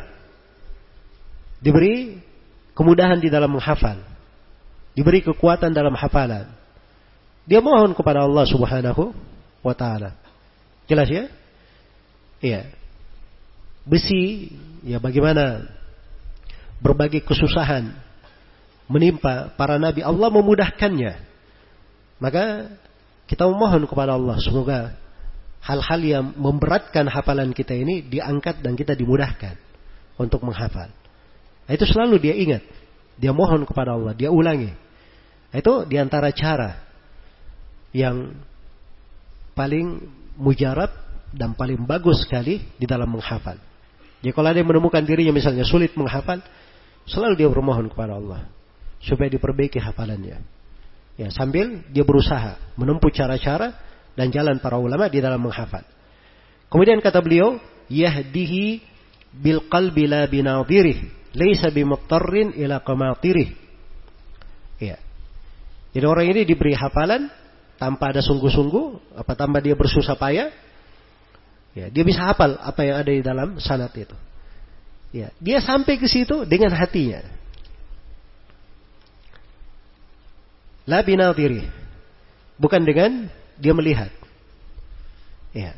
Nah, kadang orang dia perlu melihat baru dia bisa paham, bisa dihafal. Nah, ini cukup dia dengarkan, dia pahami di dalam hatinya, dia sudah bisa memahaminya. Iya. Laisa bimuttarrin ila qamatiri. Dan kalau dia sudah seperti itu, dia sudah hafal, bagus masuk dalam hatinya, dia tidak perlu lagi kepada komatiri. Ya, ini komatiri jama dari kimetro. Kimetro itu apa ya? Kotak untuk menyimpang. Ya. Sunduk. Kotak untuk apa? Menyimpan sesuatu. Seperti kata seorang penyair, Falaisa ilman ma hawahul kimetru. Innamal ilmu ma hawahus sodru. Ilmu itu bukan yang tersimpan di kotak. Tapi ilmu itu apa yang tersimpan di dalam dada. Apa yang tersimpan di dalam dada. Ya. Jadi alim itu yang dikatakan alim sebenarnya, dia tidak perlu kepada buku-buku, kepada riwayat-riwayat. Dia kadang bisa memahami masalah, ya, dan dia tidak pernah baca buku terkait dengan masalah tersebut, tapi dia bisa pahami masalah itu. Dia bisa pahami masalah tersebut. Itu ajaib ya, ajaib dari jitihad para ulama. Ketika ditanya tentang dia memberi fatwa persis Begitu dilihat, ternyata apa yang dia fatwakan itu sudah ada di buku-buku yang lain. Ya mungkin buku-buku itu tidak ada di di perpustakaan mereka, tapi fatwa mereka seperti itu. Nah, itu ilmu namanya. Jelas ya? Ilmu seperti itu. Itu di bidang di bidang fikih, di bidang akidah, di bidang sama di bidang hadith juga. Iya, Syekh Mukbil itu pernah mengatakan pada sebagian buku, ini buku ini salah cetak. Ya. Harusnya di situ dari fulan dan fulan, sangkaan beliau. Ya. Ternyata bukunya setelah itu datang dengan cetakan yang lain, dan betul seperti yang beliau katakan. Betul seperti yang beliau katakan. Jadi kadang dia tidak perlu kepada buku untuk menunjukkan apa? Hal-hal tertentu. Sebab jelasnya ilmu itu bagi dia. Jelasnya ilmu itu bagi dia. Baik. Nah hakikat dari ilmu. Hakikat dari ilmu itu adalah apa yang dipahami. Ya. Dan apa yang dia pahami itu kadang menjadi lebih kuat dengan apa yang dia hafalkan. Apa yang dia hafalkan. Jadi kalau hafalannya sudah ada di dalam dadanya, pemahamannya bagus, ah itu luar biasa. Dia kumpulkan hal-hal yang melengkapinya di dalam ilmu. Nah, itulah imam-imam besar seperti itu. Imam-imam besar seperti itu keadaannya. Disebutkan dalam biografi Ibnu Hazm Abu Muhammad Ibnu Hazm Al-Andalusi rahimahullahu taala. Ya, dimaklum ya Ibnu Hazm ini. Ibnu Hazm ini buku beliau rahimahullah tidak cocok untuk para pemula. Ya. Jelas ya? Terus orang yang belajar ilmu itu kadang tidak cocok membaca buku beliau Al-Muhalla. Sebab bahasanya itu Masya Allah, bahasa-bahasa munadharah. Ya, pedas sekali bahasa Ibnu Hazm. Dia pakai bahasa keras sekali. Jelas ya? Sampai ada sebagian masyaikh, sudah doktor beliau. Itu dia bercerita bahwa sejumlah gurunya melarang dia membaca Ibnu Hazm, membaca Al-Muhalla Ibnu Hazm. Padahal di kitab Muhalla ini terdapat banyak dari ilmu-ilmu yang menakjubkan dan banyak dari athar para as-salaf itu tidak ada nukilannya kecuali di Muhalla Ibnu Hazm. Jelas ya? Jadi ilmu diperlukan, buku diperlukan, tapi dilarang oleh sebagian gurunya melihat kepada Al-Muhalla. Kenapa? Karena bahasa Ibnu Hazm di dalam berdiskusi kadang ada agak apa? Tidak cocok dengan orang-orang yang baru belajar. Jelas ya? Ibnu Hazm ini rahimahullah ya, beliau ketika sudah mulai tersohor dalam ilmu ya dan beliau menyampaikan pendapat-pendapatnya sesuai dengan apa yang dia yakini, akhirnya berbenturan dengan sebagian ulama di berbagai madhab. Khususnya di negerinya, madhab Malikiyah, dan juga ada orang-orang Syafi'iyah. Dan Ibnu Hazm membantah mereka dengan bantahan yang kadang apa? Sangat pedas sekali. Ya. Dan sebagiannya ada yang mengadukan Ibnu Hazm ke pemerintah Ya, sampai buku-buku Ibnu Hazm dibakar. Ya. Jadi maksud mereka buku-bukunya dibakar supaya tidak bisa apa? Supaya tidak bisa menulis lagi. Maka Ibnu Hazm berkata, "In tuhrikul qirtas la tuhrikul ladhi tadammanahu al-qirtas bal huwa fi sadri yasiru ma'i haitsu istaqallat rakaibi wa yanzilu in unzil wa yudfanu fi qabri." Kata Ibnu Hazm, kalau kamu bakar kertas-kertas itu, ketahuilah bahwa kalian tidak mampu membakar kandungan yang terkandung di dalam kertas. Dan apa yang terkandung di dalam kertas itu ada di dalam dadaku. Ya. Dan kandungannya bersama saya di mana pun kendaraan membawaku. Di mana saya singgah, yang terkandung itu singgah juga bersamaku. Dan yang terkandung di dalam kertas itu akan dikubur bersamaku di dalam kuburan. Jadi maksudnya semua isi bukunya itu dia sudah hafal.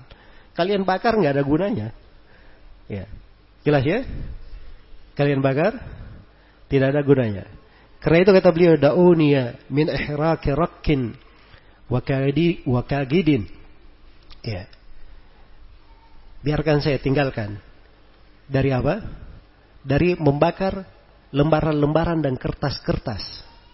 Wa qulu bi ilmin kayaran nasu mayyadri. Dan hendaknya kalian berucap dengan ilmu supaya orang tahu siapa yang berilmu. Jadi kalau ingin menghadapi saya kata Ibnu Hazm, caranya kalian hadapi saya dengan ilmu, bukan dengan cara bakar-bakar seperti itu. Ya. Hadapi saya dengan ilmu supaya orang bisa membedakan mana yang berilmu dan mana yang tidak berilmu. Wa illa fa'udu fil makatibi bada'atan.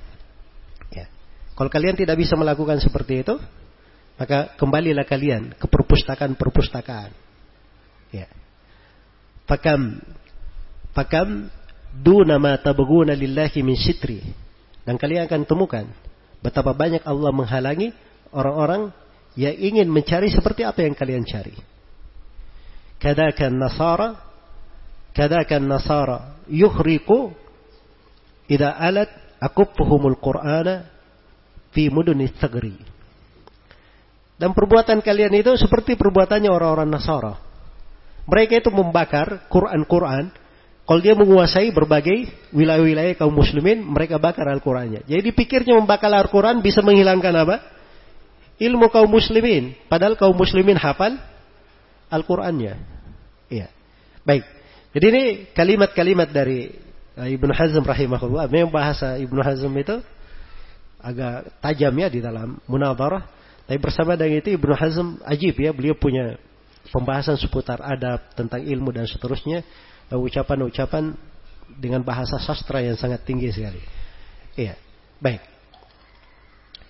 Jadi ini Ibnu Hazm rahimahullahu taala ya contoh dari orang yang ilmu itu bersamanya di dalam hatinya, dia tidak perlu kepada kotak-kotaknya yang menyimpang dari buku-buku yang memuat dari lembaran-lembaran, dia tidak perlu itu. Ya, tidak ada dari ulama yang seperti itu. Nah, dari ulama seperti itu. Baik. Jadi subhanallah uh, dulu ketika saya belajar ke Syekh Mukbil itu saya melihat tidak ada orang yang semisal beliau. Ya. Dan semakin saya lama belajar, itu saya semakin semangat belajar. Sebab saya semakin tahu diri saya ini jahilnya nggak tahu sampai mana. Ya, makanya saya semakin semangat untuk belajar. Tapi begitu saya di melihat di ulama-ulama lain di Saudi, saya melihat hal yang menakjubkan. Hal yang sangat menakjubkan sekali. Iya. Datang kepada seorang syekh, mau baca kitab apa saja, dia bisa jelaskan buku itu. Tanpa dia meroja sebelumnya. Tanpa dia meroja sebelumnya. Ini baca di bidang akidah, dia terangkan buku itu di bidang akidah. Ini baca di bidang mustalah, dia terangkan buku itu di bidang mustalah. Ini baca di bidang nahu, dia terangkan buku itu di bidang nahu. Mau baca buku apa saja dia bisa baca. Nah, ini pemahaman melekat di mana? Tidak ada, makanya tidak perlu bawa buku. Ya, jelas ya? Kalau kita sekarang ini, masya Allah ya, terlalu banyak buku-bukunya. Iya. Baik. Dan memang kalau mengajar harus ada buku. Ya, kalau tidak ada buku, wah, gawat juga kita. Jelas ya? Baik. Semoga Allah Subhanahu wa taala memberi taufik kepada semuanya wallahu taala alam. Baik, masih ada beberapa sudut lain. Insyaallah taala kita akan terangkan nanti di sesi berikutnya. Subhanakallahumma wa bihamdik asyhadu an la ilaha illa anta astaghfiruka wa atubu ilaik walhamdulillahi rabbil alamin.